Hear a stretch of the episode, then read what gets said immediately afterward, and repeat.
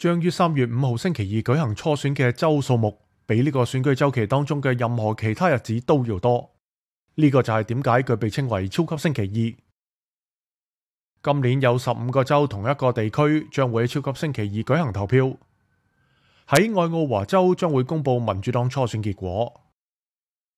民主党候选人需要一千四百二十名宣誓代表，占所有代表嘅百分之三十六，先能够赢得总统提名。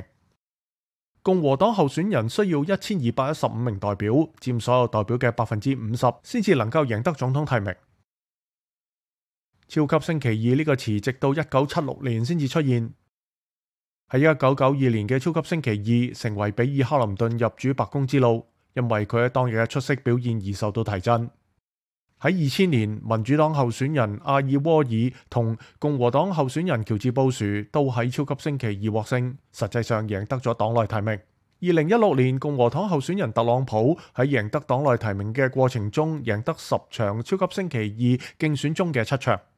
贏得超級星期二並贏得黨內提名嘅候選人包括羅納德雷根、